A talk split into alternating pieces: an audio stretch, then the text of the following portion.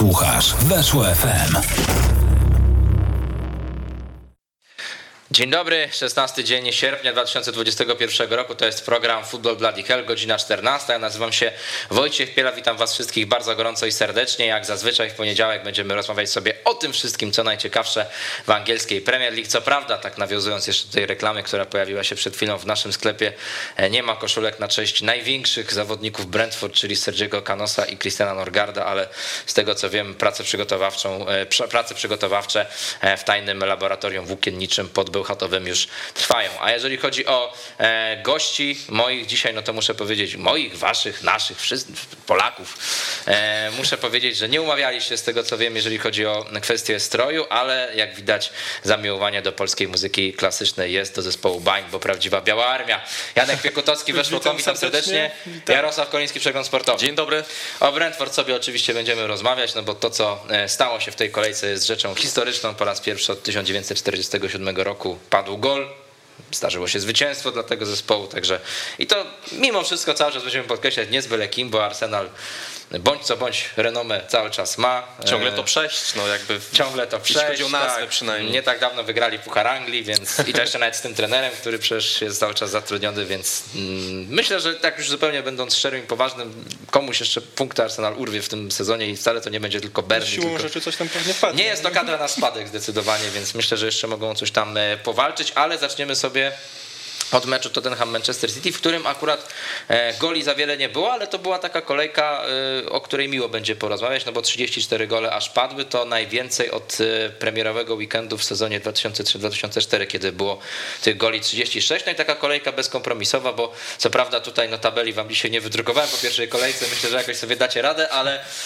gdyby ona była wydrukowana, a na pewno też w głowie macie te poszczególne pozycje, to wiecie, że nie było ani jednego remisu, więc wszędzie jakieś rozstrzygnięcia. Nie wszędzie... lubimy remisów, tak, więc wszędzie, bardzo dobrze. Wszędzie jakieś historie, wszędzie jakieś rozmowy. No dosyć blisko, może nie jakoś strasznie e, blisko remisu, ale powiedzmy, że gdzieś tam ten remis kręcił się wokół meczu Tottenham City, no bo w końcówce jak wszedł De Bruyne, The Citizens zaczęli naciskać, więc powiedzmy, że będziemy akurat rozmawiać o meczu, gdzie, tego, gdzie ten remis mógł paść, ale to nie oznacza, że było nudno. Zwycięstwo 1 do 0 w takim meczu, który zapowiadał się na największy hit. E, Golsona, możemy zacząć sobie od grafiki pokazującej jego statystyki e, z tego spotkania, no bo to nie tylko gol, ale i mnóstwo strzałów, mnóstwo wejść w pole karne, bardzo aktywny e, był Korańczyk, który no już siódmy gol, e, który strzela już siódmego gola przeciwko Manchester, Manchesterowi City Pepa Guardioli, więc to jest zawodnik, którego wyjątkowo Katalończyk e, nie lubi. Jak Wy się odnosicie do tego, co się wydarzyło, jakie macie wrażenia e, po tym meczu? Ja. Trudno tak naprawdę powiedzieć cokolwiek mądrego, jeżeli chodzi o grę Manchesteru City, bo mam wrażenie, że oni byli kompletnie nieskoncentrowani. Jeszcze będziemy mówić o meczu Liverpoolu z Norwich Aha. i tam widziałem dokładnie to samo objawy, które w wypadku Manchesteru City, czyli po prostu brak zaangażowania.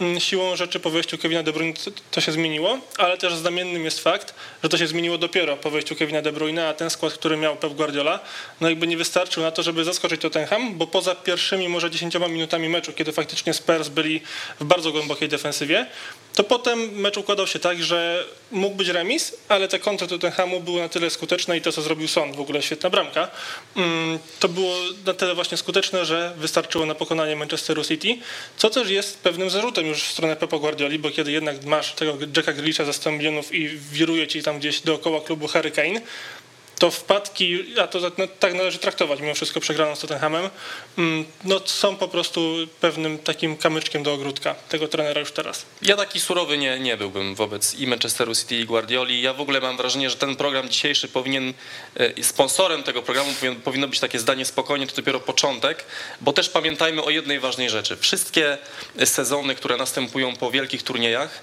początki ich są ciężkie, ponieważ wiadomo, że ci piłkarze wyeksploatowani, to największe gwiazdy nie odpoczęły tyle, ile powinny odpocząć i, i potem się rodzą takie sytuacje jak właśnie Kevin De Bruyne, który ma siły tylko na 11 e, minut, także ja mam takie poczucie, że mm, znaczy inaczej, nie, nie obwiniam na razie City za, za to, co się wydarzyło. Mam wrażenie, że to spokojnie tutaj za chwilę się odbiją i, i będą grali lepiej, no ale właśnie te wszyscy, te, ci wszyscy piłkarze muszą po prostu wrócić do formy. Przede wszystkim De Bruyne, bo to, co najważniejsze w ofensywie w Manchesterze City, to działo się dopiero dopiero po wejściu De Bruyne. To jest, to jest lekko przerażające, ale też pamiętajmy, Gabriel Jesus też w Copa America do finału aż doszedł.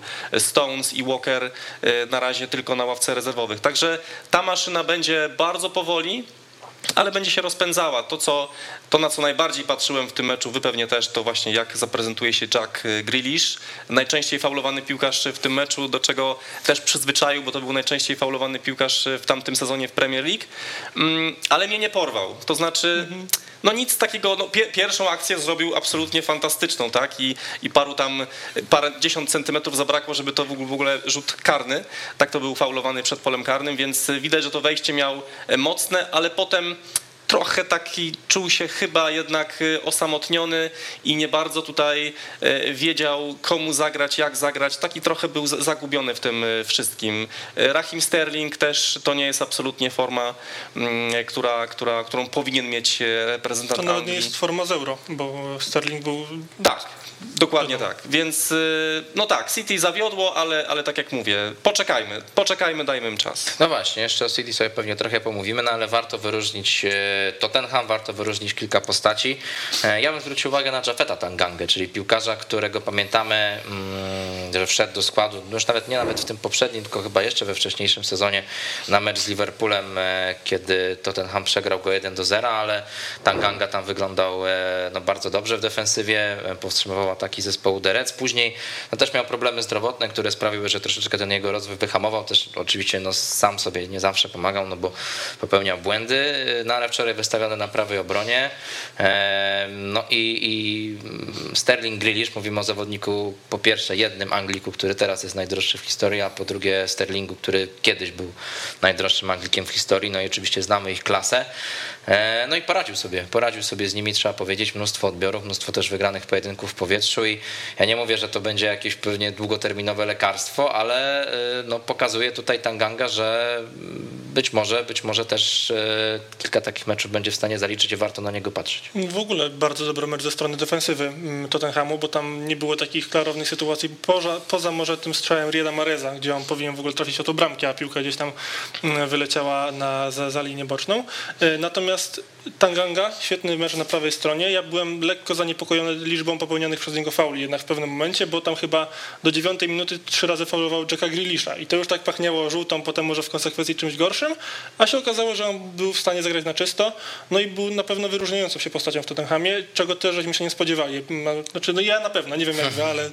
No to jest też, też zawodnik, tylko tak ci wejdę mhm. na chwilkę Jarek Słowo, który no, był szykowany jeszcze w zeszłym tygodniu na wypożyczenie no do tak. Galatasaray, tak. więc mogło go nie być po prostu w klubie, a tutaj został i, i warto było. A kto mu dał debiut w Premier League? Jose Mourinho, także dzisiaj Mourinho tam, wiecie, już szykuje jakąś tyradę, że później będzie mógł mówić, że a kto takiego Tangangę e, wypromował, to, to ja byłem. Także, e, ale nie, jestem, jestem też jakby zadowolony z tego, że, że ten piłkarz zagrał i, i zagrał dobrze. W ogóle mam takie wrażenie, że Tottenham wygrał w tym meczu na wszystkich możliwych polach, bo jest, są, są trzy punkty, jest zwycięstwo z poważnym rywalem, bo najlepszym mistrzem, no mistrzem, mistrzem nie było, nie było. Przed własnymi kibicami, bez Harego Keina, e, i jeszcze wizerunkowo wygląda to świetnie, ponieważ e, no, całe lato było szukanie nowego trenera. Dokładnie. E, ten Nuno Espirito Santo wydawał się tam 17 wyborem, więc to wszystko wyglądało jak niepoważne szukanie trenera. Okazuje się, że ten trener raz, że wygrał, dwa, daje szansę młodym, bo jest Itanganga i jest Oliver Skip, zapomnijmy, nie zapominajmy o tym o tym zawodniku. Zresztą Nuno Espirito Santo też e, no, słynie z tego, że tych młodych piłkarzy jakby mm, daje im szansę, nie boi się na nich stawiać, bo pokazał to też e, Wolverhampton. Także e, mówię, na każdym możliwym polu Tottenham wczoraj wygrał, więc to wszystko wygląda na tę chwilę bardzo dobrze. Ale też jeszcze jedna rzecz, na którą Jarek poniekąd zwróciłeś uwagę, kiedy mówiłeś o tym okresie przygotowawczym, no to faktycznie piłkarze Manchesteru City, jakieś Bahamy, Hawaje, Wakajki i tak dalej. Natomiast zawodnicy Tottenhamu byli skoszarowani w Londynie i wszyscy trenowali jakby w równym tempie, co było wczoraj bardzo mocno widoczne i faktycznie to zaprocentowało siłą rzeczy, że oni w tych już po 60 minucie to Tottenham dominował w gruncie rzeczy, bo City rozbijało wszystkie swoje ataki jakimiś nieprzemyślanymi centrami, bo tego też było wczoraj bardzo dużo. Mm, dlatego mnie Nuno bardzo mocno zaskoczył y, i też właśnie dla niego pod względem takim mentalnym świetny mecz, bo on, tak jak mówiłeś, był bardzo mocno deprecjonowany, bo nawet Gennaro Gattuso był przed nim w kolejce, no a skończyło się jednak na Nuno i chyba, chyba dobrze, bo to jest jednak trener, który ma już obycie w Premier League. No tak. Warto też e, jedno Proszę słowo bardzo. o Harrym Kane'ie wspomnieć, no bo, no bo Oczywiście. nie było go nawet w kadrze meczowej, wiadomo, że tych treningów miał mało. Swoją drogą trochę to tak też dziwne jest, że taki, nie wiem, e, Harry Maguire, Luke Shaw, którzy też byli z tym Kane'em na Mistrzostwach Europy, grają normalnie w pierwszym składzie, a Harry Kane wraca tak późno i, i, i dopiero teraz zaczyna trenować, ale do czego, do czego zmierzam? Chodzi o to, że to też jest zwycięstwo Tottenhamu, e, bo ważne, bo nad Manchesterem City, który potrzebuje napastnika, więc teraz tę cenę e, naprawdę prezes Tottenhamu może trzymać mocno i mówi, no dawajcie pieniądze, wy potrzebujecie napastnika, dawajcie mi tu pieniądze.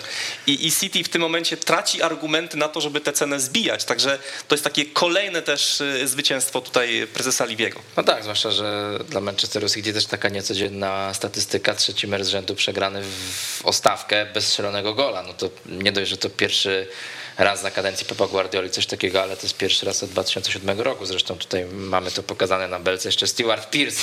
Wtedy był szkoleniowcem Manchesteru City, więc to sam ten fakt i, i samo nazwisko Stewarta Pierce'a, że się pojawiło tutaj w naszym programie na tej belce w kontekście Manchesteru City pokazuje, jak zamieszkłe to e, czasy. E, no co do Tankangi, no to jeszcze też e, dodatkowego wymiaru y, dla tego jego dobrego występu dodaje fakt, że no jeśli Nuno Espirito Santo w pewnym momencie zdecyduje się być może na granie trójką obrońców, tak jak to miało miejsce w Wolverhampton, na razie tego nie robi i, i, i też mu to wychodzi na zdrowie, ale kto wie, czy nie będzie chciał tego zastosować, y, no to też taki zawodnik grający no bliżej tej prawej strony w tym trzyosobowym bloku defensywnym może mu się przydać. No i Tanganga właśnie wczoraj przecież grał nawet skrajnie na prawej stronie, więc, y, więc to pokazuje, że może sobie tam jakoś radzić. Też mamy Mata do Herdiego, którego pewnie odbudowa jest jakimś takim jednym z większych prywatnych celów dla Nuno, no bo to jest menedżer, który go wypromował, w ogóle stworzył dla Premier League, więc no to jest ciekawe. Lukas Moura też mam wrażenie nieźle wyglądał jako taki zawodnik, który przenosił ciężar gry z własnej połowy do przodu. Przy tych kontratakach często on je napędzał.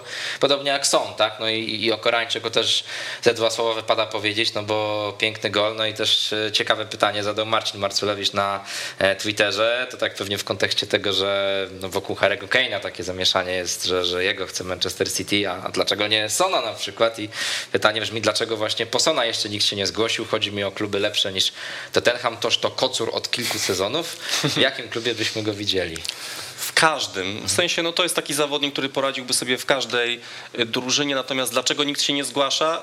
Może on samą swoją osobowością wysyła takie sygnały, że on właściwie nie potrzebuje, przynajmniej na razie, zmieniać miejsca zamieszkania, zmieniać miejsca gry. To jest po prostu taki no, typowy Koreańczyk, czyli taki przywiązany, pracowity, przywiązany do jednych y, barw i i niezwykle solidny i regularny w tym wszystkim, co robi. Mi się trochę kojarzy Son z Mohamedem Salahem, to znaczy takim, czy takim człowiekiem, na którego po prostu zawsze co sezon możesz liczyć. Tak właśnie jest też z Salahem w Liverpoolu, także no Son mm, też w to lato przedłużył kontrakt, tak jak właśnie znowu to jest w przeciwieństwie do Kane'a. Kane powiedział, że chce odejść, a, a Son w tym momencie, on nie czeka na to, czy jego kolega y, zostanie w klubie, czy nie, że może pomyślałby, nie no, bez takiego partnera to ja już nie chcę grać, znaczy jak go nie będzie, to ja już nie chcę w tym klubie grać, tak, chcę odejść.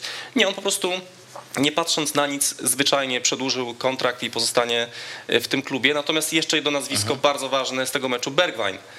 To jest piłkarz, który też mm, zagrał bardzo dobrze i jest bardzo potrzebny Tottenhamowi, bo to wejście do Premier League ma takie sobie, no takie nic specjalnego nie pokazywał, a tutaj widać było ten dynamit, widać było, że on bardzo chce i, i widać było, że jest w formie, więc to też jest taki kolejny e, dobry występ piłkarza Tottenhamu. Ja bym tylko dorzucił jeszcze jedną rzecz, mianowicie od kiedy Pep Guardiola powiedział, że Tottenham to jest drużyna Harry'ego Kane'a, to Manchester City nie wygrał z nimi czterech z pięciu spotkań. O, Także to też jest kolejny właśnie aspekt, wiadomo, dla Tottenhamu taki nobilitujący ich. A co do Sona, to ja jeszcze mam wrażenie, że on faktycznie nadawałby się do każdego klubu w Premier League, tylko jest problem polegający na tym, że jego przyjście do jakiejś drużyny wymusiłoby transfer jakiegoś innego zawodnika wychodzący po prostu. No, weźmy tak. na przykład Liverpool, tam trzeba było sprzedać Manę. To wiadomo, są rzeczy bardzo mocno... mm, No ale z drugiej strony, a gdybyś e, gdybyś nie kupił Grealisha, a wziął Sona do No Manchesteru tak, no, City, to, prawda? no wiadomo, coś za coś, tak? Tak, coś za coś, no dokładnie. No pewnie, pewnie ani Manchester City, ani Liverpool by y, kibice nie płakali, gdyby Son przyszedł i jakoś tam pewnie trener też by ich upchnął. No ale na razie jest to Tottenhamie. Oczywiście też to zwycięstwo nie może przesłonić całego obrazu tego, że no, jeżeli odejdzie Harry Kane, no to brakuje tam takiego klasycznego napastnika i też pewnie nie zawsze będą takie mecze, kiedy mogą bardziej zagrać z kontry piłkarze Tottenhamu, a też jeżeli chodzi o te, o te kreacje i, i rozprowadzanie akcji, no to tutaj dużo odpowiedzialność przede wszystkim będzie na Delalim, który wczoraj też nie zagrał źle i dużo Najwięcej biegał. kilometrów Tak, przebiegniętych. dużo, dużo tak. biegał, ale no w takich meczach wydaje mi się, no przeciwko choćby, nie wiem, Burnley, Watfordowi, e, czy pewnie nawet Aston Villa, chociaż to jest troszeczkę lepszy zespół, ale jak się przekonamy za kilka chwil, akurat w tej kolejce tego nie udowodnim, no to jednak ten Delali nie tylko będzie musiał dużo biegać, ale też i, i, i rozgrywać i, i widzieć, sporo strzelać, także no ciekaw jestem, jak to ten Ham będzie sobie radził w innych meczach, no choćby już w takich jak też w czwartek ich czeka w Lidze Konferencji Europy z Pacos de Ferreira, tam na pewno e, to drużyna portugalska będzie takim Tottenhamem przeciwko Manchesterowi City, że ustawi się na kontry, no i trzeba będzie sobie jakoś z tym radzić, a co do Manchesteru City, no to chyba mówił Guardiola nawet już wprost przed tym spotkaniem, że my nie jesteśmy gotowi, nie? że to jest taka sama historia jak w zeszłym sezonie, kiedy przecież pamiętamy, jak oni mieli bardzo trudny początek sezonu, tam przydarzyła się choćby ta wstydliwa porażka z Leicester 2 do 5, oczywiście później to pociągnęło trochę zmianę taktyki, wstawienie Rubena Diasza, choćby Diasa. do defensywy, ale też piłkarze odpoczęli, doszli do odpowiedniej formy i nawet bez klasycznego napastnika udało się osiągnąć sukces, ale no pytanie, czy kolejny sezon będzie można tak zrobić, no bo Gabriel Jesus, no to nawet w zeszłym sezonie doskonale wszyscy wiedzieliśmy, że to nie jest ta klasa, co choćby Sergio Aguero w swoim prime, no a nadal Harego Kane'a w kadrze nie ma, no być może będzie, prawdopodobnie będzie, ale na razie stan faktyczny jest taki, że tego Kane'a nie ma, no i bez Kane'a Manchester City e, no już musi gonić, już musi gonić. Mi się wydaje, że mi się wydaje, że City będzie robiło wszystko, żeby tego Kane'a dostać, e, że to musi być taka odpowiedź na Lukaku. Ja mam poczucie, że to jest, e, że to będzie ta różnica, która może dać e, Manchesterowi City albo Chelsea mistrzostwo Anglii. Ten, ten jeden napastnik, super napastnik, który wiadomo, że jest mega potrzebny. Manchester United kontra Leeds, teraz o tym spotkaniu sobie troszeczkę pomówimy. Możemy sobie za chwilkę zobaczyć grafikę pokazującą liczbę asyst Pola Pogby e, w ciągu ostatnich sezonów, bo no ciekawie to się prezentuje wszystko w porównaniu do tego, co się wydarzyło e, w sobotne wczesne popołudnie. Oczywiście ta gwiazdka, nie muszę tłumaczyć, to, to oznacza, że dopiero ten sezon trwa, wręcz dopiero się rozpoczął, a już jest więcej tych asyst niż było w dwóch ostatnich sezonach. Tyle samo co w pierwszym, no i nie tak wcale wiele, ma, wiele mniej niż, niż tych jego dwóch e, wybitnych sezonach, które miał, patrząc oczywiście w porównaniu do innych e, w Manchesterze United, no ale Paul Pogba, jego asysty, e, sprawa kontraktu oczywiście cały czas majacząca w tle, o czym też Jarek żeśmy tydzień temu e, rozmawiali, ale do czego też się znowu odnosił Ole Gunnar Solskjaer po tym spotkaniu, mówiąc, że e, no to jest jeden z takich ważniejszych aspektów powrotu kibiców, że właśnie może te trybuny, kontakt z fanami, że, że ten aplauz, który też no, był wyczuwalny podczas tego meczu z Leeds, no bo pomijamy fantastyczną grę Manchesteru, ale oczywiście też i e, rywalizacja, jaka jest pomiędzy Manchesterem a Leeds, że, że to może sprawić, że ten Paul Pogba jednak się skusi, żeby ten długopis, nie wiem czy ten konkretnie, ale wiadomo o co chodzi, taka metafora, użyje go i, i po prostu podpisze nową, nową umowę, no ale mamy też i Bruno Fernandesza, który sporo już dobrych rzeczy w Manchesterze United dokonał, ale akurat hat-tricka jeszcze nie miał do, do ostatniej soboty, więc też kolejne jakieś tam osiągnięcie, no i zwycięstwo, które jeszcze bardziej podbija te i tak już buńczuczne nastroje, które na Old Trafford były przed startem sezonu. No ja mam wrażenie, że Manchester United w tym momencie on musi walczyć o mistrzostwo Anglii siłą rzeczy. Po tych transferach Varana, po transferach Sancho, to Ole Gunnara nie stać na to, żeby zakończyć sezon na trzecim miejscu, nawet na drugim byłoby to takie, no, jak nie dorzucisz Ligi Mistrzów, to, to może być różnie z tobą. Dlatego ta, to zwycięstwo z Leeds United jest dla nich y, bardzo ważne, też pokazuje, że oni po prostu mają patent na ekipę Marcelo Bielsy, no bo w poprzednim sezonie wiemy, jaki był wynik. Natomiast tutaj jest cały szereg piłkarzy do docenienia ze strony Manchesteru United. Pogba oczywiście jest jakby najbardziej wyróżniającym się zawodnikiem. On akurat utrzymał formę z Euro i nawet według mnie gra jeszcze lepiej, po prostu bo te cztery asysty, no to siłą rzeczy jest y, osiągnięcie niebagatelne. E, Bruno Fernandes też, chociaż jeszcze z tego środka pola wyróżniłbym mocno Scotta McTominaya. Mnóstwo otwierających podań w tą ostatnią tercję boiska, tam gdzie stali piłkarze Leeds United. Tam podawał McTominay w taki sposób, że szło zawiązać akcję. Między innymi mm, otwierające podanie przy tym golu mm, właśnie mm, Masona Greenwooda bodaj. takie bardzo dobre podanie do A Paula też Pogby. przy tym pierwszym golu właśnie, co Pogba Tak, tym podaniem tak, takim z uruchomił piłki. Mhm. tak, to z pierwszej piłki. Tak jest. Genialna asysta, ale też i to podanie do przodu McTominaya rzeczywiście to było zauważalne. Nie no, powiem wam, że y, na Pola Pogbę patrzyło się z ogromną przyjemnością i to był wreszcie taki Paul Pogba, y, za którym kibice United tęsknią, to znaczy taki który gra w reprezentacji Francji po prostu, bo, mm, bo wiemy, że to jest ten sam piłkarz, ale de facto dwóch różnych piłkarzy w tych dwóch y, drużynach, więc y, gdyby miał tak grać Paul Pogba przez y, cały sezon i dostarczać tyle asyst y, i być takim liderem drużyny, y, to mi się wydaje, że nawet opłacałoby się zostawić go teraz ryzykując to, że za rok odejdzie za darmo, bo, bo, bo te jego asysty, to jego, ta jego prezencja może dać naprawdę jakiś duży sukces Manchesterowi United w tym, w tym sezonie, więc y, tylko no właśnie, nie mamy gwarancji, że on tak będzie grał cały czas. Może to był, może to jest taki moment, w którym on jeszcze chce... Tak, no musisz być zaskoczony, no pamiętam, że dokładnie w tym miejscu jeszcze tydzień temu mówiłeś, że to jest najlepszy moment, żeby tego Pogby Dokładnie tak. I dlatego mówię, że ja, tak, ja po tym, po tym meczu zmieniam zdanie, bo mówię, gdyby on tak miał grać ten sezon, jeśli on jest tak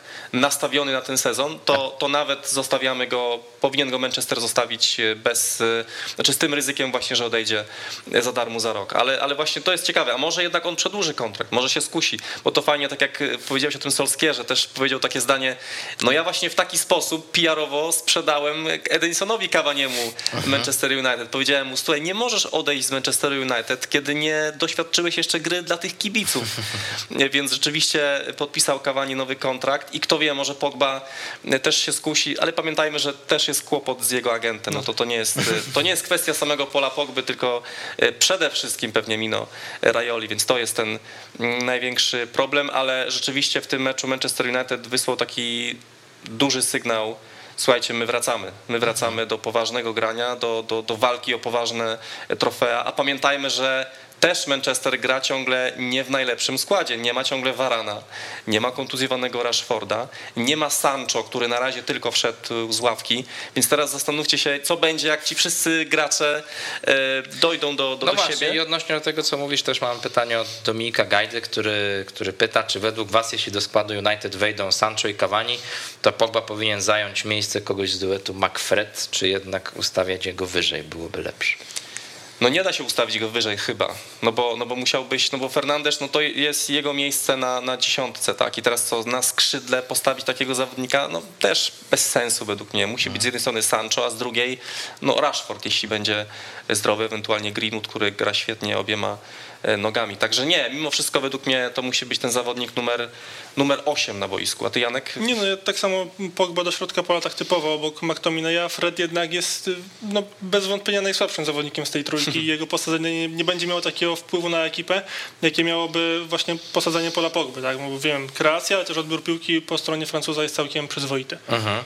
E, Bruno Fernandes, no wiemy, że oczywiście mnóstwo zachwytów y, było już względem jego osoby w latach poprzednich, ale tutaj warto zwrócić uwagę na ten jego dobry występ, y, dlatego że takie mam wrażenie, no pod koniec już tamtego sezonu i też jednak na Euro widać było, że jest chyba zmęczony tą liczbą minut, które zagrał na boisku, że no nie był to ten sam Bruno Fernandes, którego pamiętaliśmy właśnie e, z, albo inaczej, którego znamy choćby z takich występów jak właśnie meczu z Leeds United, no i tutaj jednak chyba pokazał, że udało mu się odpocząć, że już jest, odświe- że już jest odświeżony i taki występ zadający kłam wszelkim spekulacjom, że, że jest jakiś dołek formy, no bo on bardzo dynamicznie wyglądał, no i choćby ta sytuacja przy tym golu, kiedy chyba to Luke Ayling, tak, wybijał piłkę już za linii, no to mega szybki obrót, przyjęcie jedną nogą, drugą, też no to wykończenie po podaniu Lindelofa, który swoją drogą też tym podaniem tak pokazuje, no hola hola, ja tu jeszcze, wiesz, kupujecie, ale to nie jest tak, że ja się tam zawijam i gdzieś wracam do Szwecji, E, też mega szybkie wykończenie, bardzo zgrabne, więc no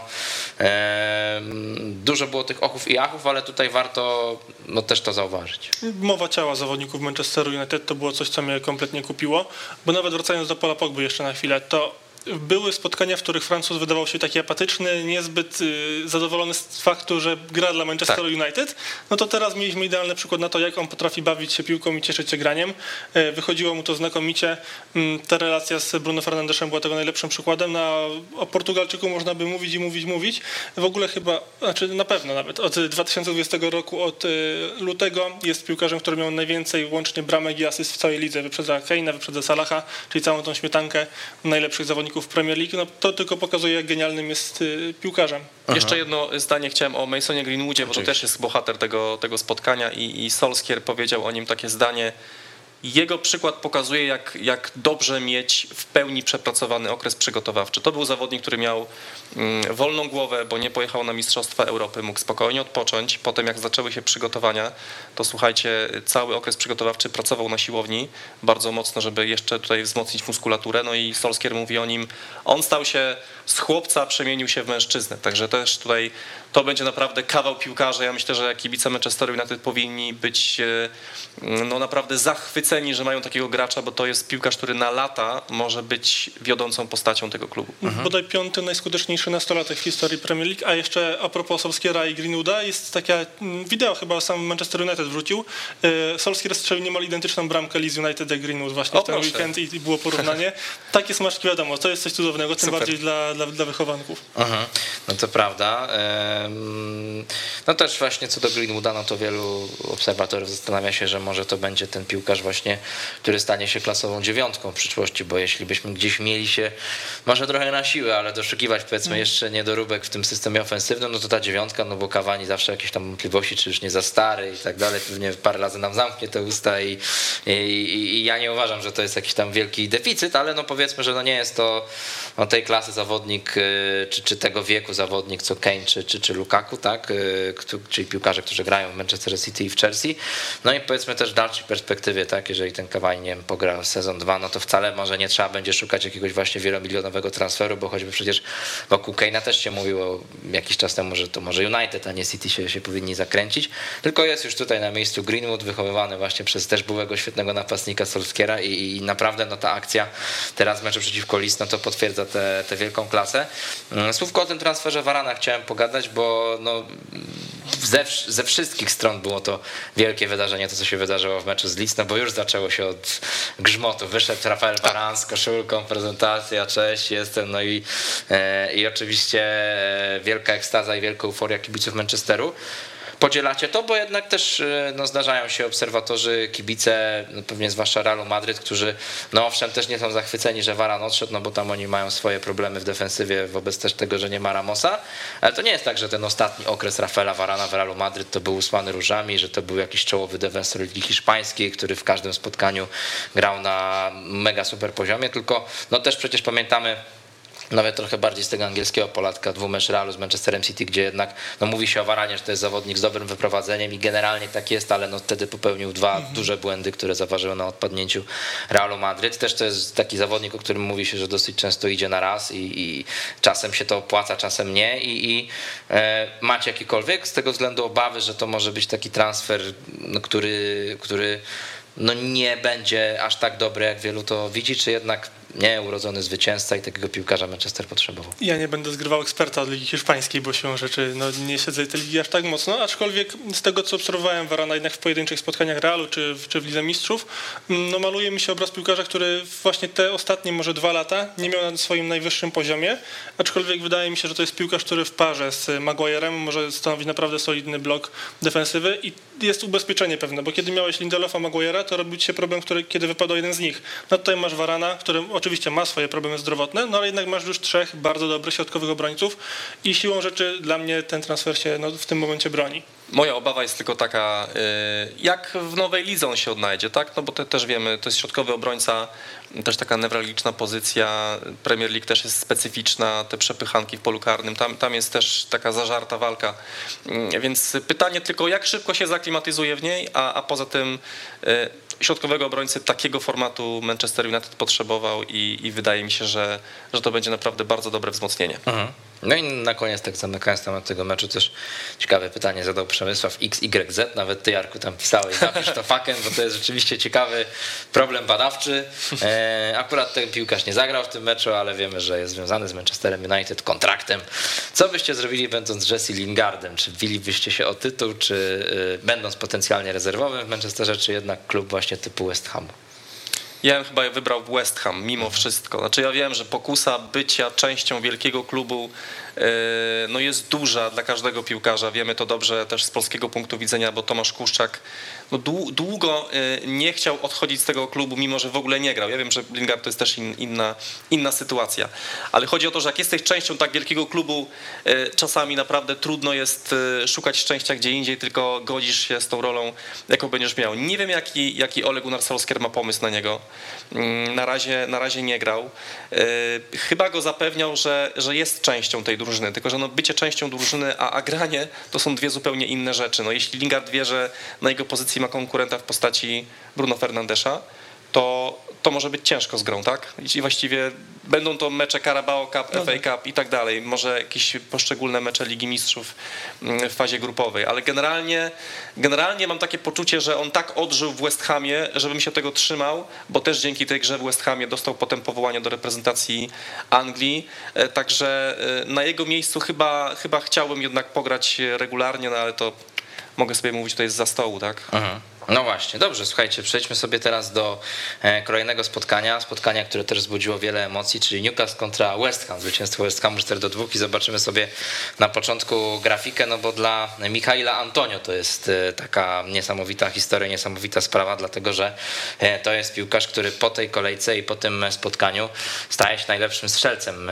właśnie ekipy Młotów w historii Premier League. Razem z Paolo Di Canio, wyrównuje ten wynik po 47 trafień, jeden gol więcej niż Mark Noble. Te daty, które tutaj widzimy, no to data pierwszego trafienia, data również ostatniego. U Michaela Antonio e, wiemy, że Michaela Antonio e, pewnie ten licznik i te daty również będą się zmieniały, natomiast 178 mm, sekund dokładnie tyle dzieliło gol Sołczka na 3 do 2 i Antonio właśnie na 4 do 2. Szybko prysły te marzenia Newcastle o czymkolwiek w tym spotkaniu. Dlaczego według was? Najlepszy mecz w tej kolejce, to do tego bym zaczął generalnie, natomiast dlaczego prysły tak szybko marzenie Newcastle o zwycięstwie?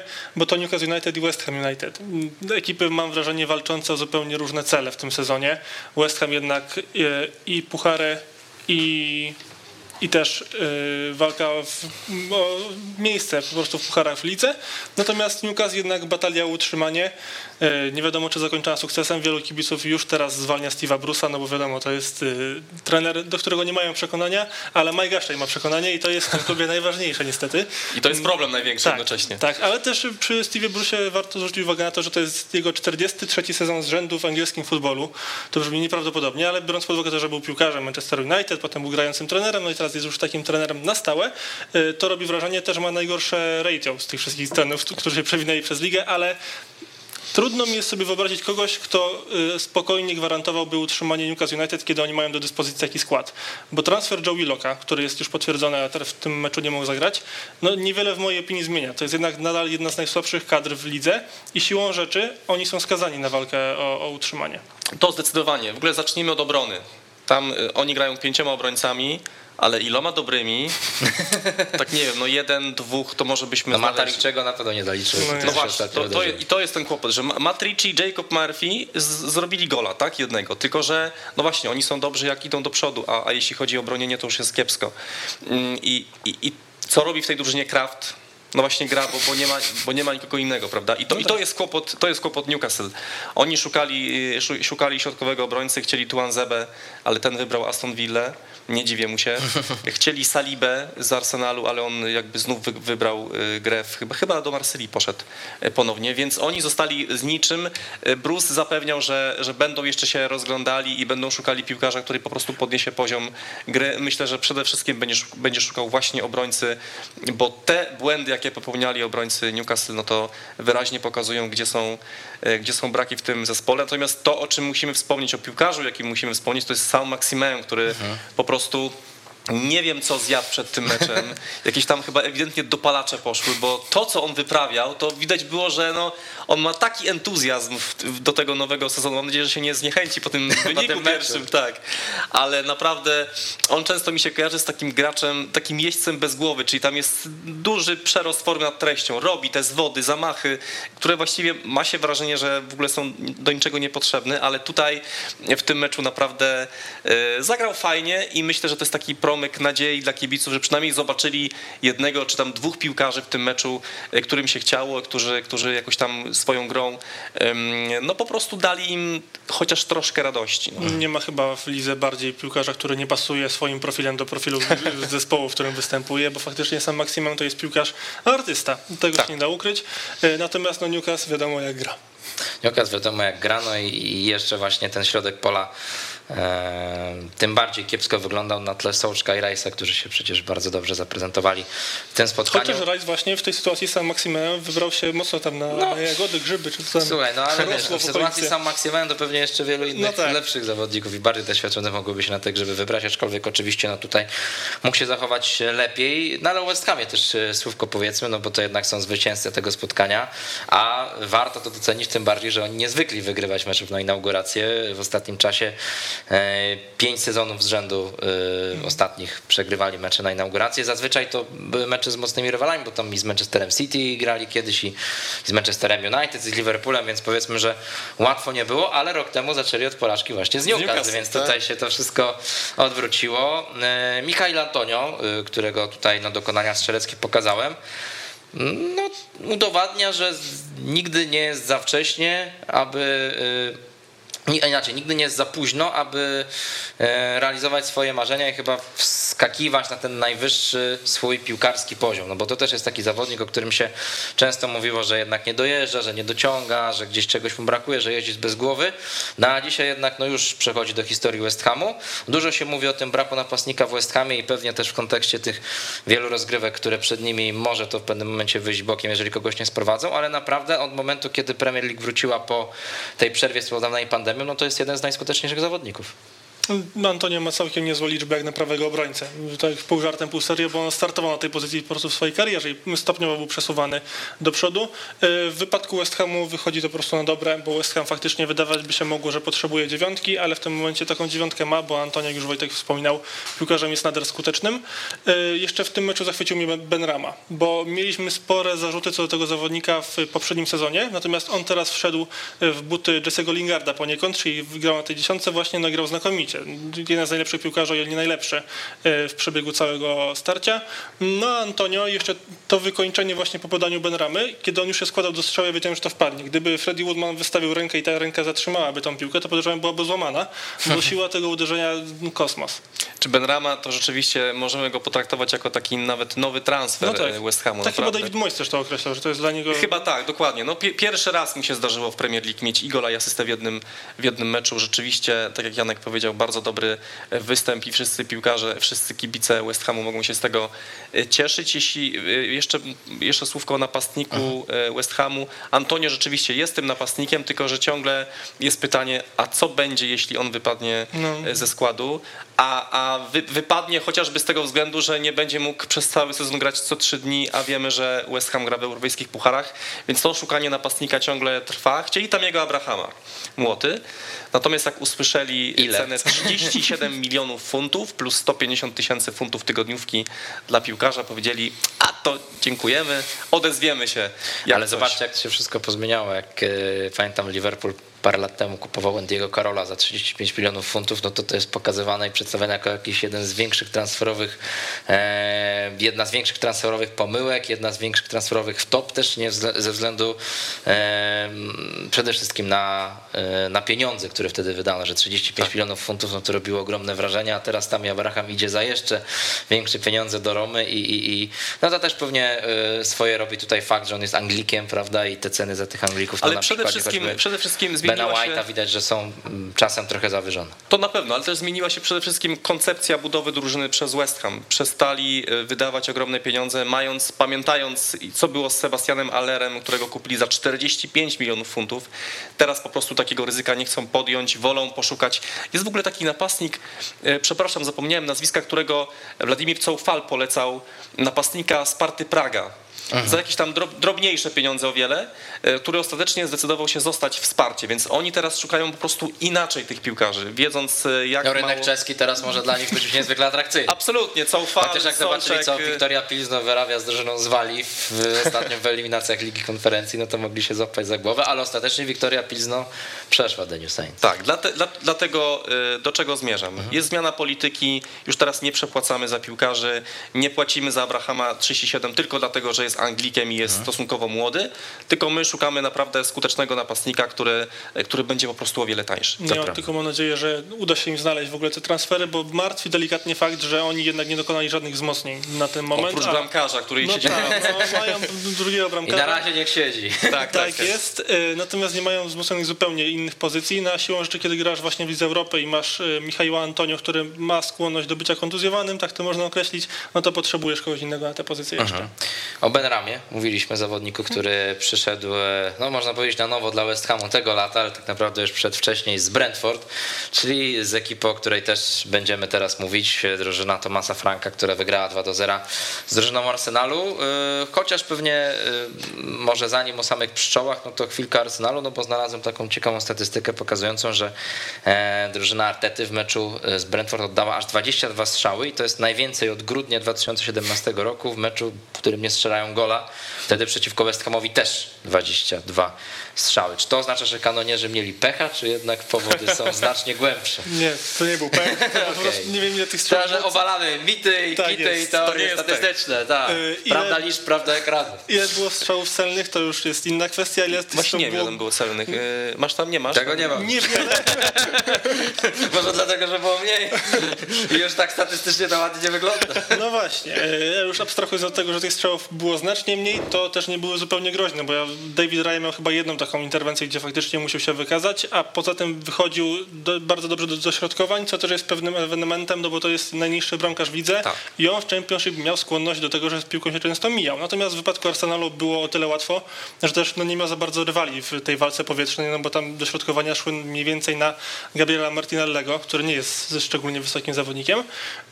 I Arsenal no, zupełnie nie przekonywał w tym spotkaniu, pod żadnym względem. Zresztą Florian Balogan, który zagrał w tym meczu jako podstawowy napastnik, miał 14 kontaktów z piłką i 3 podania, a próbował 5 razy. To jest okay. kuriozum. Jeżeli twój napastnik ma taką skuteczność podań i tak, i tak się pokazuje do gry, to nie świadczy zupełnie dobrze o twoim zespole i o twoim pomyśle na to, jak ten mecz ma wyglądać.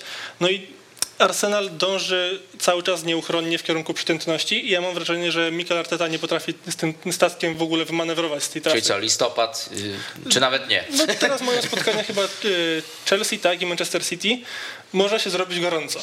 No, ostatni trener był zmieniany w Arsenalu w grudniu chyba, więc może do grudnia dostanie czas. Yy, jeszcze w tamtym sezonie Mikel Arteta mówił, że jest plan na, na, na letnie okno transferowe, w sensie klub będzie taki, nazwijmy to, bezlitosny w pozbywaniu się piłkarzy, którzy po prostu standardami nie, nie dojeżdżają do, do poziomu Arsenalu i, i Premier League. No i wypisałem sobie listę zawodników. Kadra którzy, cała wyszła? No niemalże, tak, niemalże, którzy, którzy ciągle w tym klubie są, za których nie ma ofert, a przecież jeśli klub chce kupić kogoś nowego, no to musi to jakoś spieniężyć, tak? Dostali teraz pieniądze za Willoka, więc pewnie gdzieś te pieniądze będą próbowali ulokować, no ale tacy piłkarze jak Kola Shinac, El Neny, Torreira, Bellerin, Maitland Niles, Soares, to są zawodnicy, za których po prostu klub bardzo chętnie by wypchnął za jakieś pieniądze, ale nie ma chętnych i to jest duży kłopot, bo Arsenal niestety nie ma tylu pieniędzy co Manchester City i inne wielkie kluby, tylko tych pieniędzy ma o wiele mniej. Więc to jest największy kłopot. Mówi się o braku Lacazeta i Obama Younga w tym meczu. A ja nie mam takiego poczucia, czy ci piłkarze by rzeczywiście podnieśli poziom tej drużyny, bo na tych piłkarzy też kibice Arsenalu i my tutaj narzekaliśmy, że też nie dają tego, co trzeba. Więc naprawdę to, co, o czym mówisz, Janek, że oni zmierzają y, tak y, bardzo mocno ku przeciętności, jest y, uzasadnione. Mhm. No dzisiaj a propos Bayerina akurat no, pojawiły się informacje na The Athletic. David Ornstein pisał o tym, że Bayerin bardzo też chce odejść z Arsenalu, nawet tak bardzo chce odejść, że jest gotowy obniżyć zarobki. O, tylko dalej klubie. nie ma ofert. Tylko no, była oferta Właśnie. z Interu, ale Arsenal chciał go tylko sprzedać albo wypożyczyć z przymusem wykupu, wykupu później, a Inter chciał tylko wypożyczyć. No to jest jedna dobra wiadomość, czy dobra w cudzysłowie, Granit Czaka przedłużył dzisiaj kontrakt i, i to też mnie zastanawia, bo to był jeden z tych piłkarzy, y, o których też mówiliśmy, że pierwszy w ogóle do, do sprzedaży, tak? I była przecież już dogadana oferta z Romy, nie pamiętam na, na jaką kwotę. Y, i nagle zmieniają zdanie i on podpisuje nowy kontrakt. Trochę tego nie rozumiem. Nie wiem, czy, czy, czy wy macie jakieś informacje, e, dlaczego on ostatecznie nie, no, został. aż taki nie tajemnik, żeby to zrozumieć. To... Ale nie, może gdzieś wyczytaliście, bo, bo ja sam, sam jestem zdziwiony. Czaka wydawał się ani nie dobrym kapitanem, ani nie dobrym piłkarzem, a tymczasem e, jest z opaską zostaje w klubie i przedłuża kontrakt. Więc Może ktoś to musi mi wytłumaczyć. do wniosku, że nie stać nas na kolejnego środkowego pomocnika, pozbywanie się czaki i potem ściąganie kogoś niepewnego za te 18-20 milionów funtów, bo taka mniej więcej była kwota właśnie dla No Romy, byłaby ryzykiem, tylko że znowu no czaka nie zmienia niczego w tym składzie. No właśnie. E, no, Arsenal Arsenalem i kiepska forma Arsenalu, kiepską formą Arsenalu, ale nie sposób nie docenić Brentford i tego, jak zaprezentowała się ta drużyna. No, kolejny dowód na to, że piłka nożna z kibicami to jest zupełnie inna dyscyplina sportu, no bo widać było, jak ten stadion żyje i jak ci kibice są spragnieni emocji na najwyższym poziomie. Kogo byście wyróżnili, kto wam się spodobał i, i jak podchodzicie do tego występu właśnie drużyny Tomasa Franka? Czy ja jakoś o poszczególnych piłkarzach nie chciałbym, nie chciałbym mówić. Ja chcę po prostu wyróżnić całą drużynę, która mhm. uważam, że. Najlepsze, jak, jak to jest ta rubryka, jakbyś miał w gazecie piłkarz mecz, to byś napisał cała, cała drużyna. Albo tak jak trenerzy często mówią, że y, kto był dla pana piłkarzem meczu? Piłkarzem meczu jest cały mój zespół, wszystkich. I jeszcze wtedy jest zawsze łącznie z rezerwowymi, panią sprzątaczką, panią kucharką. Wszyscy pracujemy na nasz sukces. Tak. Proszę bardzo, Jarku. Nie, chodzi o to, że ja spojrzałem na Brentford jako całość, to znaczy od początku, od pierwszej do 90 minuty mi się wszystko podobało. Cała otoczka na tym meczu, bo tak, wrócili kibice, to był pierwszy mecz w sezonie, wrócili kibice, którzy fantastycznie dopingowali. Menedżer Frank, który tam ich cały czas, tych kibiców też motywował do tego i mobilizował, żeby cały czas do, dopingowali. Ta publiczność, która biła brawo Bukayo Sace, który wchodził na mhm. boisko, to jest coś też niespotykanego, że wchodzi zawodnik wielki stadion. To tak też w odniesieniu do tego pewnie zmarnowanego rzutu karnego. Tak, zdecydowanie potem tego rasistowskiego tak, obrażania tak. i sta, cały stadion wrogiej drużyny, w sensie e, no, drużyny rywala. Przeciwnika. Tak. Przeciwnika, tak. Wstaje i bije brawo. To było coś pięknego i pomyślałem sobie, fajnie, że Premier League wróciła, fajnie, że kibice wrócili na, na trybuny i fajnie, że jest taka drużyna jak Brentford, która potem jeszcze e, potrafi Mm, tak dobrze zagrać, wygrać, bo, bo, też jest taka ciekawa statystyka, że Beniaminkowie y, w pierwszym meczu sezonu bardzo rzadko wygrywają w Premier League. W 10 ostatnich sezonach, słuchajcie, y, czyli na 30 meczów, tylko 3 zwycięstwa. A w tej kolejce mamy, y, mieliśmy dwa takie zwycięstwa mhm. Beniaminków, więc to też pokazało, mm, jak duży sukces odnieśli po prostu piłkarze Brentford. No, najlepszy powrót do angielskiej ekstraklasy po 74 latach, jaki sobie można wyobrazić tak. pod każdym względem. A ja bym się pokusił o wyróżnienie jakiegoś piłkarza. Bardzo proszę. No, Brian Buemo, no to... Widać, że nie ściągacie od siebie. Tak jest, mimo że koszule takie same, to no, tak, tak, tak, poglądy inne, natomiast tak. Brian Buemo, cudowny chłopak. Oczywiście trzeba wziąć poprawkę na to, że grał na Pablo Marego i na Kaluma Chambersa, którzy w tym meczu no, no nie dojeżdżali. Chambers, żeby... właśnie. Zapomniałem o nim powiedzieć. Wiecie, no. bo to właśnie a propos tego Bayerina i, i, tego, że on tak bardzo chce odejść, no to oczywiście nie jest jakiś tam wielki powód do lamentu, no bo on jednak, no, zwłaszcza po tej kontuzji w 2019 roku, którą miał zerwane więzadło, no ale też nie wszystko można zwalać na kontuzję, no to no, nie wygląda już tak dobrze, jak w momencie, kiedy wchodził do drużyny, kiedy nam się wydawało, że to może być najlepszy prawy obrońca, może i nawet w lidze. Wiemy, pochodzi ze szkółki Barcelony, to były takie głosy, że może tam kiedyś wróci i będzie wymiatał, ale no, jak sobie pomyślimy, że no dobra, Bellerin odejdzie, Arsenal zostanie z Chambersem, z Sareszem, nie wiem, nie, nie, nie, nie, tam może będzie wchodził, który nominalnie jest lewym obrońcą, no to też powiedzmy, że no szału nie ma. Swoją drogą, to jak to świadczy o o, o pozycji Soaresza w drużynie, kiedy za, za Chambersa wchodzi właśnie ten Tavares, a nie, a nie on, czyli no tak. nominalny prawy obrońca, więc to tak swoją drogą. Ale Janek, mówiłeś coś o Brentfordzie chyba. O tak, Mbłemo to y, kozacki piłkarz, jak już wspomnieliśmy. Miał też y, kilka takich sytuacji, które powinien wykończyć y, siłą rzeczy, aczkolwiek tam właśnie z jego skutecznością nie było najlepiej. A postać numer dwa to jest Ivan Tonej, bo też piłkarz, na którego wiele osób zwracało uwagę tylko przez pryzmat bramek, bo 33 gole w Championship było, nie było, robią kolosalne wrażenie. Natomiast on w tym meczu świetnie rozgrywał piłkę, bardzo dużo korytarzy właśnie otwierał dla Błemo czy dla innych zawodników ofensywnych Brentford. No i piłkarza numer 3 to jest Mats Bech i ten jego wyrzut z autu. No, Rory Delap ma się dobrze i znowu gra na boiskach Premier League. Swoją drogą Mats Bech trenuje wyrzuty z autu z osobistym trenerem, to jest Thomas Gronenberg. I wyobraźcie, wyobraźcie sobie, że on potrafi tą piłką rzucić na 40 metrów. Wow. I uczynił progres o, o szóstkę, od kiedy właśnie z tym Gronenbergiem współpracuje, co też pokazuje, że tam w Brentford nie ma niczego zostawionego na przypadek.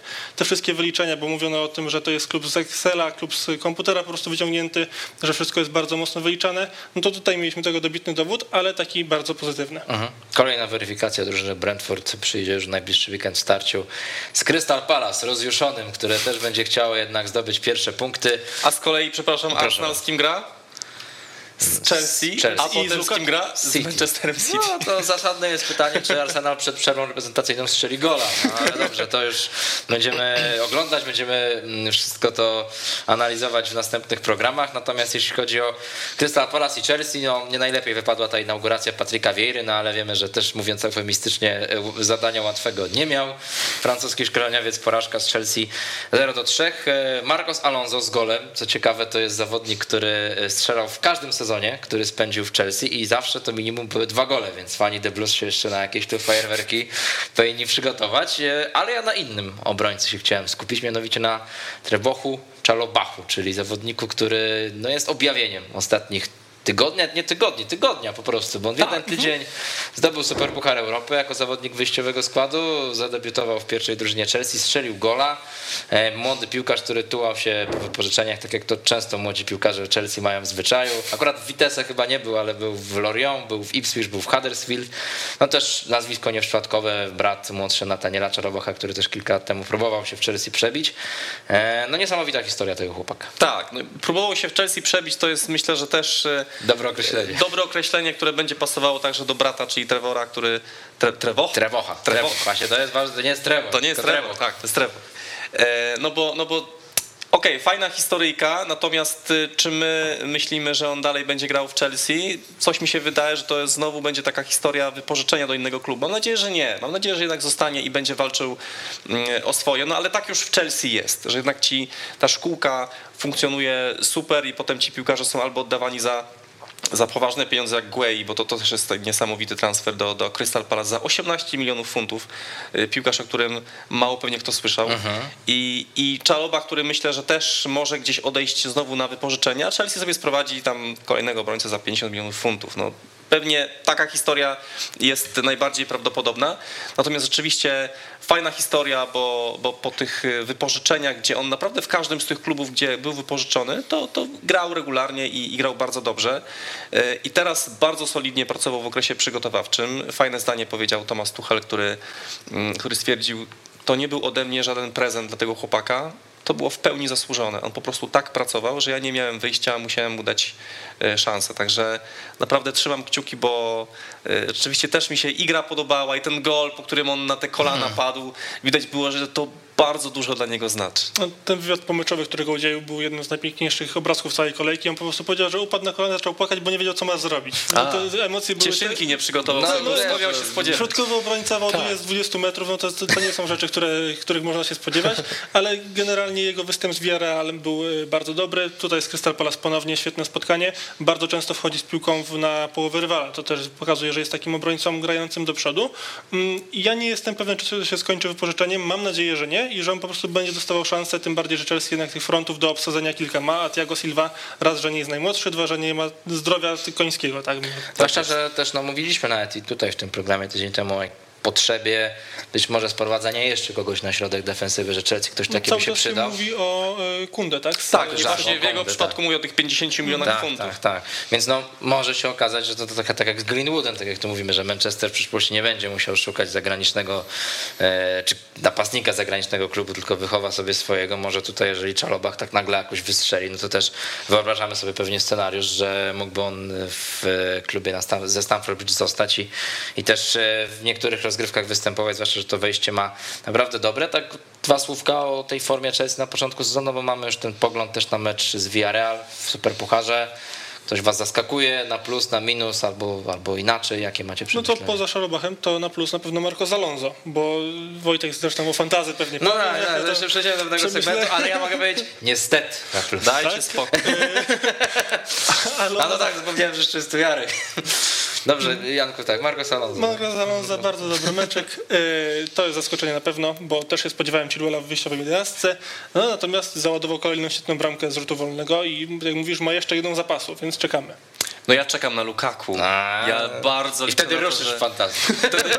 No to będzie mój nowy kapitan, już to Eee, zapowiedziałem, więc na eee. pewno go kupuję. Natomiast słuchajcie, wiadomo, że to będzie numer 9, tak? jeśli chodzi o, o drużynę Tomasa Tuchela i teraz robią się dwa miejsca po obu stronach Lukaku, które trzeba obsadzić. I znowu sobie wypisałem, bo tych nazwisk A. jest sporo. Jest tak Pulisic, jest Werner, jest Ziyech, jest Havertz, jest Mount, jest Hudson Odoi. Naprawdę tam pole manewru Tuchela będzie ogromne. Jestem bardzo ciekawy, jak on będzie to, mm, jak on to ustawi. Pewnie będzie sporo mieszał, znając Tuchela, bo e, to też jest taki trener, który lubi mm, pod każdy, pod każdy kolejny mecz przygotowywać nowy, nowy plan. Także tam ta walka, e, rywalizacja o to, kto będzie partnerował Lukaku jest e, niesamowita. Mhm. No zobaczymy, jak to wszystko będzie wyglądało. A może słówko o Crystal No Palace? właśnie, bo nawet mamy pytanie od naszego widza na Twitterze, Artur. Jak ich ocenimy, Crystal Palace? Jak, ocen- nie, pytam, jak ocenicie, no tak jak ocenicie Crystal Palace? No, proszę. Y, Czy wydaje mi się, że no, czy jest zdecydowanie za wcześnie, żeby jakieś wnioski wyciągać, bo, Dziękuję bardzo, że do spotkania. bo, bo rywal nie ten, prawda? Pamiętajmy, że my Crystal Palace będziemy oceniali po meczach z Burnley, y, Brentford. Brentford i tak dalej, i tak dalej. Chelsea to jest jednak za wysoka e, półka. No niewiele tam grało w tym, w tym Crystal Palace. Trzeba przyznać ten na przykład manewr o tym, żeby, żeby Mateta był w ataku, nie wypalił, trzeba było Benteka jednak wstawiać.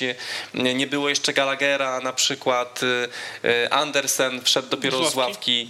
Więc czekamy na tych piłkarzy i czekamy, aż ta drużyna się naprawdę zgra, bo, bo, bo na, na podstawie tego jednego meczu i po tych kilku, kilku tygodniach pracy Wiejry, no to, to zdecydowanie jest za wcześnie. Mhm, no tutaj. Wyczerpałem temat, No, Janek, nie masz nie, Słuchaj, czekamy tak samo jak na e, zwycięstwo w końcu, albo przynajmniej remis. Premier League czeka Norwich, które e, 11 chyba ostatnich spotkań e, przegrało. Mm, Też mamy taką belkę przygotowaną, tam bodaj e, mm, za moment ona się pojawi. Tak, tylko Sunderland może w cudzysłowie pochwalić się dłuższymi seriami e, w ligowej historii. No i to było 20 meczów, tak, że jeszcze przed Norwich jeszcze, jeszcze trochę do wykonania, jeżeli chcą nawiązać, ale oczywiście to tak tutaj z przymrużeniem oka, no bo mm, co prawda do tej przerwy reprezentacyjnej mi łatwo nie będzie, no bo teraz mają wyjazd do rozjuszonego porażką Manchesteru City, a później meczu siebie z Leicester, które też, umówmy się, ma całkiem niezłe aspiracje. E, No tutaj, cóż, no Porażka z Liverpoolem 0 do 3. E, Początek nie, nie do końca na to wskazywał, no bo była ta sytuacja choćby Pukiego mecz e, dosyć długo wyrównany, no ale jednak ostatecznie Liverpool swoją wyższość udowodnił. Nie no, jak Liverpool włączył swoje normalne obroty, to nie było z czego zbierać tak naprawdę. To właśnie wspominałem na początku, że nies- nieskoncentrowanie drużyny Kanarków było czymś, co mnie uderzyło. Naczytałem się mnóstwa tekstów na temat tego, że Norwich jest zupełnie inną ekipą niż ta, która była w tym sezonie 2019-2020, kiedy oni grali w eks- ekstraklasie. Y, No nie widzę, żeby było inaczej, przede wszystkim pod kątem defensywy. Tam znowu się wszystko rozjeżdża. Mm, Zawodnicy pokroju Bena Gibsona to nie są jacyś y, artyści futbolowi. Wiesz, on w Championship się wyróżniał. No tak, no, właśnie. wiadomo, to są zawodnicy Championship bardzo w porządku, natomiast Norwich mam wrażenie, że cały czas będzie tym klubem jojo, czyli awans, spadek, awans, spadek, awans, spadek. Z Fulham się pewnie tak będą wymieniali, bo to są takie drużyny, No które... tak, tak, że tak powiem, sobie mecz Fulham Norwich no. pomiędzy, no może być bardzo trudno. No dokładnie. Oni tak dryfują między tymi dwoma, dw- dwoma ligami. Y, Było widać to w tym spotkaniu. Też widać, że nie ma zastępcy dla Emiliano Buendii, który w Aston Villa nie miał najlepszego debiutu, no ale w siłą rzeczy w Norwich pewnie byłby znaczną wartością dodaną. Tutaj tego piłkarza nie udało się zastąpić. No a Liverpool właśnie włączył swoje mm, normalne granie, to Norwich się tylko mogło poddać, ale uderzył najbardziej chyba ten gol Mohameda Salaha, kiedy, który stał sam na 16 metrze i żaden piłkarz Norwich nawet nie wpadł na to, żeby go pokryć. Masz najlepszego prawdopodobnie napastnika w Premier League albo walczącego o to miano, chłopaka, który strzela po kilkanaście, kilkadziesiąt goli co sezon, nikt go nie kryje. No tak. on- to no właśnie, co do. Salaha, tutaj Jarku pewnie też będziemy mogli ze dwa słowa powiedzieć czy o Salachu, czy o Liverpoolu, ale mamy grafikę pokazującą e, pięć ostatnich premierowych kolejek Mohameda Salaha.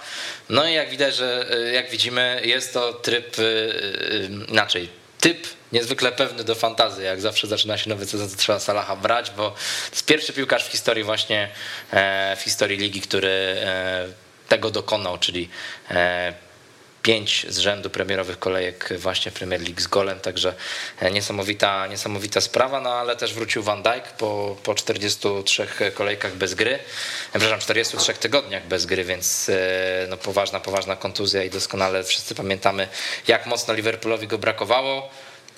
Grał Simikas, tutaj nawet jest pytanie do ciebie Jarku od redakcji LFC.pl, no profil LFC.pl na, na Twitterze zadał nam pytanie pod właśnie e, postem zapowiadającym e, ten program. Jak pan redaktor, czyli z szacunkiem szanujemy, jak pan redaktor Jarek e, odniesie się do obaw o Liverpool w top 4 zeszłotygodniowego programu, w którym wieszczono igranie z ogniem. Przecież Kostas Simikas to pan piłkarz, pan piłkarz dodajmy tutaj drukowanymi literami.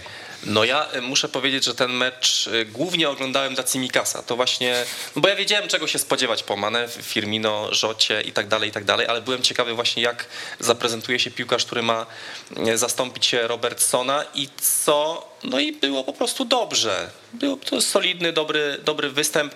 Znów... Ale była taka chyba sytuacja, jak Miller go tam spoliczkował. Była, była, była. Tak, tak, tak. tak, chyba tak bardzo mocno objechał i to nie, było widoczne. Też, też nie ma co ukrywać, no parę błędów popełnił, ale, ale jakby y, to był dobry występ, tylko że też pamiętajmy znowu na tle jakiego rywala. Też Aha. musimy brać na to poprawkę, że jak przyjdzie granie z, poważniejszymi rywalami, to może jednak James Milner tam będzie y, łatał tę dziurę.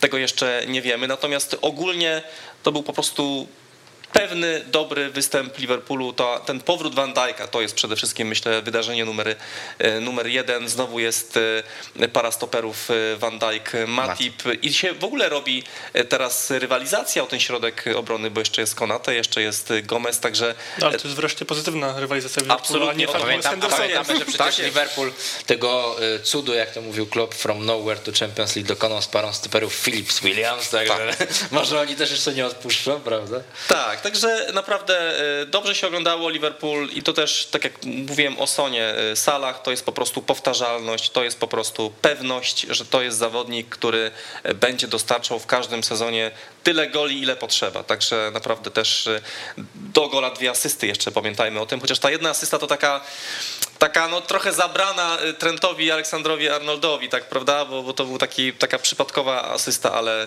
naprawdę Liverpool Super. No tak, zaczęło się dobrze. Teraz też mecz z Berlin, który hipotetycznie u siebie wydaje się być bardzo prosty, ale przypomnijmy, że to właśnie zespół Szana Dajsza był tym, który przerwał tą serię 194 tysięcy meczów bez porażki u siebie na Anfield. Ja tak naprawdę tam ich było chyba 66, ale no w każdym razie bardzo dużo. No i, i tak jak się każdy zastanawiał, kto, co to będzie za mecz, jak Liverpool w końcu tą serię przerwie, przecież jakiś City może przyjedzie wystrzałowy, a to wystarczył i e, piłkarze Berli i, i, i wygrali 1-0 wtedy po rzucie karnym. Pamiętam Ashleya Barnesa, także no. E, słuchajcie, jeszcze jednym meczu tak sobie chciałem pogadać oddzielnie, zanim przejdziemy do takiego zbiorczego wątku. No ale uważam, że warto, bo jednak doszło do mm, sporego, myślę, kalibru niespodzianki na Vicarage Road, biorąc pod uwagę to, co się działo przed sezonem w obu klubach, jakie były zapowiedzi. Watford wygrywa za Aston 3 do 2, już prowadziło 3 do 0. E, prowadziła 3 do 0 ekipa Xisco Munioza w końcówce rzeczywiście wejście rezerwowych, między innymi Leona Bailey'a troszeczkę rozruszało drużynę Aston Villa, tam Bailey zaliczył asystę przy golu Johna McGina swoją drogą bardzo takiego zgrabnego, ładnego, później też rzut karny wykorzystany przez Inksa. Te dwa gole sprawiły to, że, e, że zespół Willi no jednak nie przegrał aż tak e, dosadnie, aż, aż tak dotkliwie. E, co ciekawe, ten gol Inksa był rzutem karnym wykorzystanym w historii Premier League numer 2000, więc całkiem ładny jubileusz, ale no na tym powoli się dobre informacje dla Willi po tym meczu niestety kończą. No, mnie Watford zaszokował, bo jeżeli weźmiemy sobie pod uwagę to, jaki oni mają skład, gdzie tam Juraj Kuczka jest teraz ściągnięty do środka pola, chłopak, który spadł z Serie A i w Parmie się nie... Nie śmiej się ze Słowaków, no. bo tu zaraz może odpalić ja jeden mecz. No, no dokładnie i Kuśka wtedy był bardzo takim niewygodnym dla nas rywalem. Bardzo ale... niewygodnym. Bardzo. Y, natomiast tam jeszcze jest Denis w ataku, który też jest zupełne zaskoczenie i jak można dobrze grać na poziomie Premier League.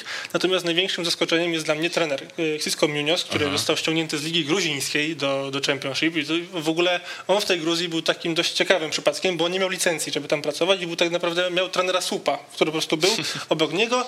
Tak jak u nas kiedyś Zdzisław Podedworny w Ekstraklasie tak też albo, tak. Robert Warzycha też przecież był swego czasu. Tak, tak, tak. I właśnie Cisco potem już licencję wyrobił, żeby móc w Championship pracować. A No taki, i- proszę kończymy, Robert Warzycha ściągnięty do Premier League, to nie byłoby aż takie głupie, bo wiemy, że grał w Evertonie, to może by ktoś tam stwierdził, że no pamiętasz takiego, był...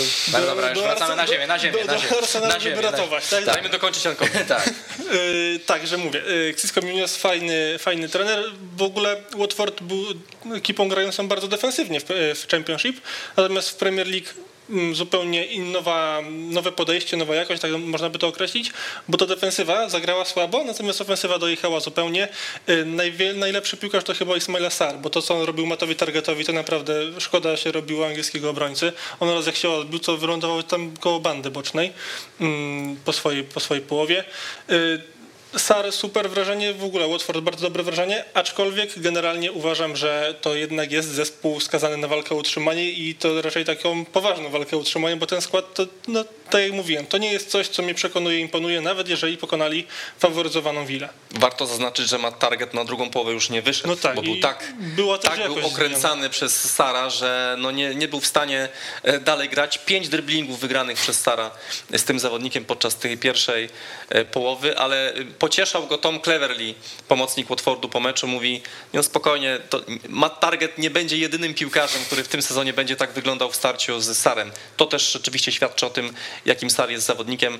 E, Też tydzień temu trochę o nim mówiliśmy, że to jest dziwne, że ten zawodnik jeszcze jest w ogóle e, w Watfordzie. Także e, fajna historia, że Watford wygrywa w tej poprzedniej swojej kadencji w Premier League. W poprzednim sezonie 12 meczów czekali na pierwsze zwycięstwo, więc tutaj to wejście w sezon mieli o wiele lepszy. Natomiast jeśli chodzi o Aston Villa, to znowu będę powtarzał to słowo klucz dzisiaj, czas. Dajmy im czas, bo tam też sporo zmian doszło. Trzeba się nauczyć żyć bez Jacka Grealisha.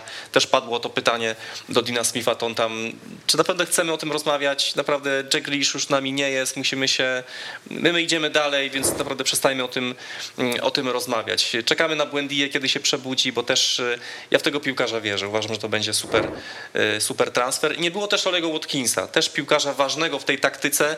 Też mówił o tym De- Dean Smith, że to jest taki zawodnik, który daje nie tylko gole, ale Gdyby on był w składzie, tak, tak Dean Smith powiedział, to piłkarze Watfordu nie mieliby aż tyle czasu, y, y, obrońcy Watfordu nie mieliby aż tyle czasu, żeby e, rozejrzeć się, komu zagrać piłkę, bo Oli Watkins po prostu e, jest takim piłkarzem, który bardzo lubi stosować pressing i po prostu szybko tych obrońców naciska i próbuje zabrać im piłkę. Także kilka rzeczy tam nie zagrało, ale e, spokojnie czekamy dalej. Mhm. Działo się troszeczkę wokół Polaków ten weekend e, w Anglii. I w Championship i w Premier League. E, my się bardziej na Premier League skupimy, aczkolwiek no oczywiście też nie pochwalamy tych e, rasistowskich różnych obelg, które miały padać w kierunku Kamila Jóźwiaka, no bo wiemy ile w Anglii na ten temat się mówi, różnego rodzaju akcje, Black Lives Matter i tak dalej, i tak dalej, a widać, że cały czas jest z tym problem względem różnego rodzaju nacji. Wiemy, że w Derby sportowo też się za dobrze nie dzieje. E, Podobnie jak w Southampton, gdzie mamy Janka Bednarka, który tym razem był na ławce rezerwowych. Troszeczkę inaczej jest w Brighton, które odrobiło stratę, wygrało.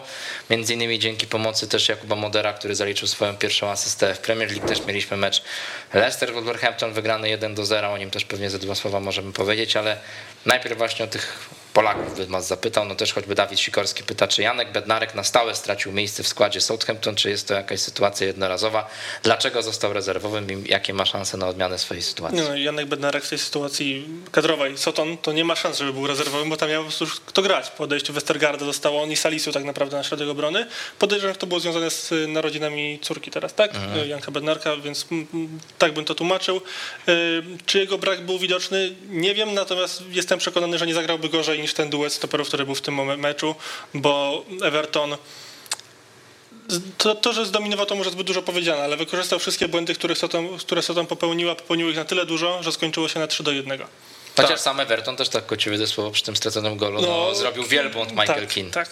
To prawda. Znaczy, te- też mi się wydawało początkowo, jak zobaczyłem skład Southampton, że no coś jest nie tak, czemu Janek nie gra. Potem zostałem uświadomiony, że, że właśnie prawdopodobnie te narodziny córki, opuszczenie kilku jednostek treningowych, bo chyba Janek był w Poznaniu, chyba narodziny nastąpiły w Poznaniu, więc mm, jeszcze w tym meczu nie zagrał, ale musi tam wrócić, no zwłaszcza po tym meczu wi- widzimy, że tę obronę trzeba ratować. W ogóle ona przemeblowana bardzo mocno y, w stosunku do poprzedniego sezonu, co też nie dziwi, bo jednak w tamtym sezonie Southampton miało naj, drugą najgorszą defensywę e, w Premier League, więc jest tam nad czym pracować.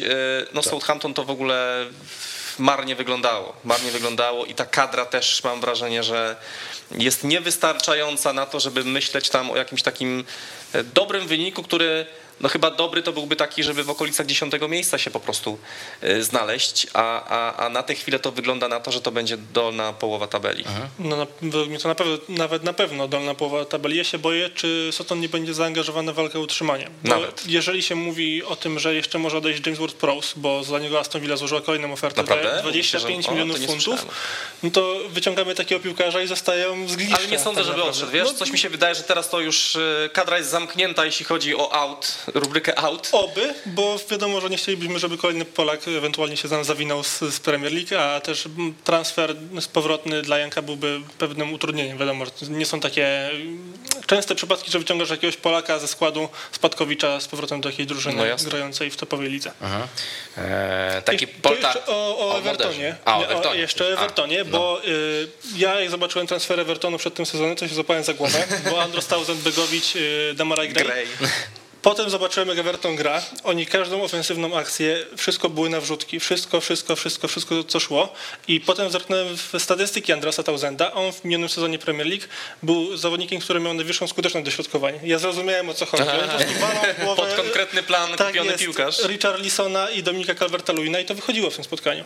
No właśnie, ja... też trzeba powiedzieć e, mm, co do Evertonu jeszcze, jak tutaj już Janek zacząłeś ten temat, że no bardzo takim odkrywczym zdaniem popisał się Rafa Benitez na konferencji prasowej, stwierdzając, że sposobem na uszczęśliwianie ludzi w piłce nożnej jest po prostu wygrywanie meczów, więc jak będę wygrywał, to kibice będą szczęśliwi. Oczywiście wiemy, do czego to jest odniesienie, ale bardzo takie gromkie przywitanie dostał hiszpański trener. Chyba to też jedna z takich historii, też widziałem mm, wielu angielskich dziennikarzy podkreśla e, rozróżniających social media od życia prawdziwego, że w social mediach był straszny hejt na, na Beniteza, nawet ze strony też kibiców Evertonu, a kiedy przyszło do prawdziwego życia, to często pewnie ci kibice wieloletni, trochę starsi, którzy e, no powiedzmy, że po obsługiwaniu Twittera może nie są tak biegli jak ich e, wnuczkowie czy wnuczki, e, bili brawo, no i życzą powodzenia nowemu trenerowi i, i, i no na pewno Benitez z tego może być zadowolony. To jeszcze tylko jedną rzecz powiem a propos Evertonu, bo jest taka ciekawostka, wydaje mi się ważna i która może optymistycznie nastroić e, fanów Evertonu.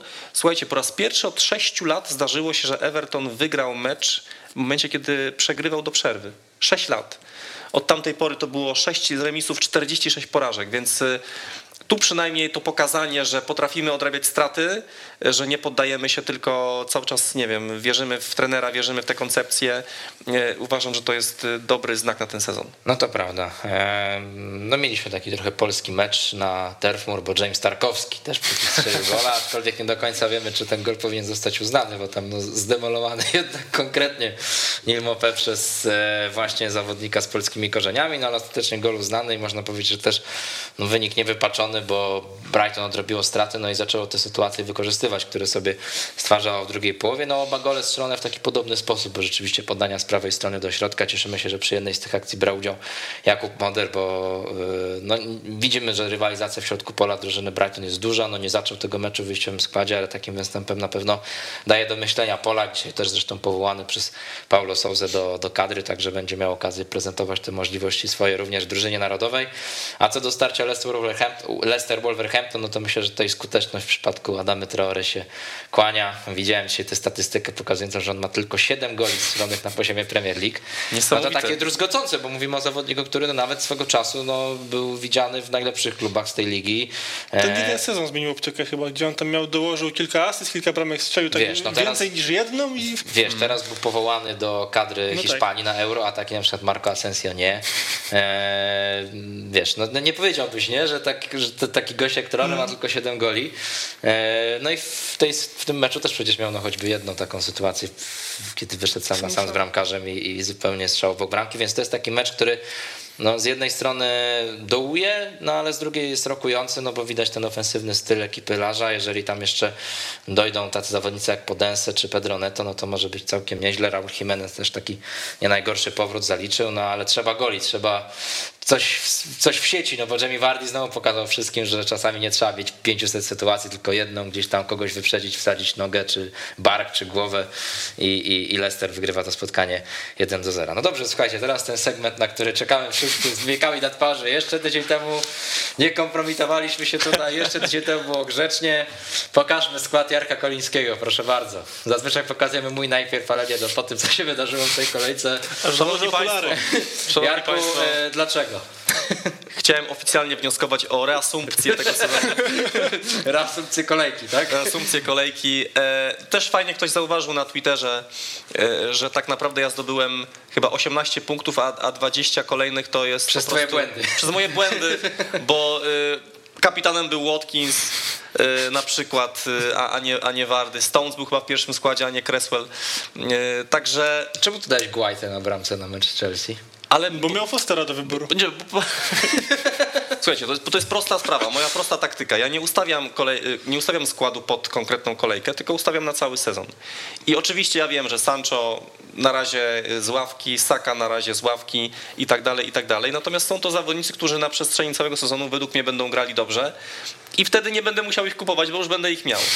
Więc y, ja mówię, ustawiam skład na cały sezon, nie na konkretną kolejkę i stąd y, mój wynik, y, który okej, no, no, nie- no nie tłumaczy mnie w żaden sposób. To jest kompromitacja, biorąc pod uwagę, jak dużo punktów ogólnie było zdobytych, bo tam ta średnia to, to naprawdę jakaś so, bardzo No, solidna. bardzo solidna, ale musicie wiedzieć, że Jarek Koliński jest z Kobyłki, tam jest kilka ładnych kościołów, jest człowiekiem dużej wiary, więc ostatni będą pierwszymi, czytał Biblię i, i to jest wszystko z tego wynika. Dobrze, przejdźmy do składu mojego. Ja dzisiaj takie barwy troszeczkę jak Manchester City, dlatego że e, no, ta pierwsza kolejka dla mnie też trochę jak dla Manchesteru City, czyli taka porażka, ale 0-1, taka, że się jeszcze mogę odbić. Oczywiście w normalnej rzeczywistości 70 punktów to nie jest mało i ja w ogóle mam takie przeświadczenie graniczące z pewnością, że to może być mój najlepszy już wynik i tak w tym sezonie, ta liczba punktów, ale no zaraz zobaczymy ile na przykład miał Janek i jaka była średnia, że, że no jednak troszeczkę tutaj brakowało, no i zresztą nawet widzimy po tych zawodnikach, to nie jest tak, że miałem Dafiego, nie, on mi wszedł za.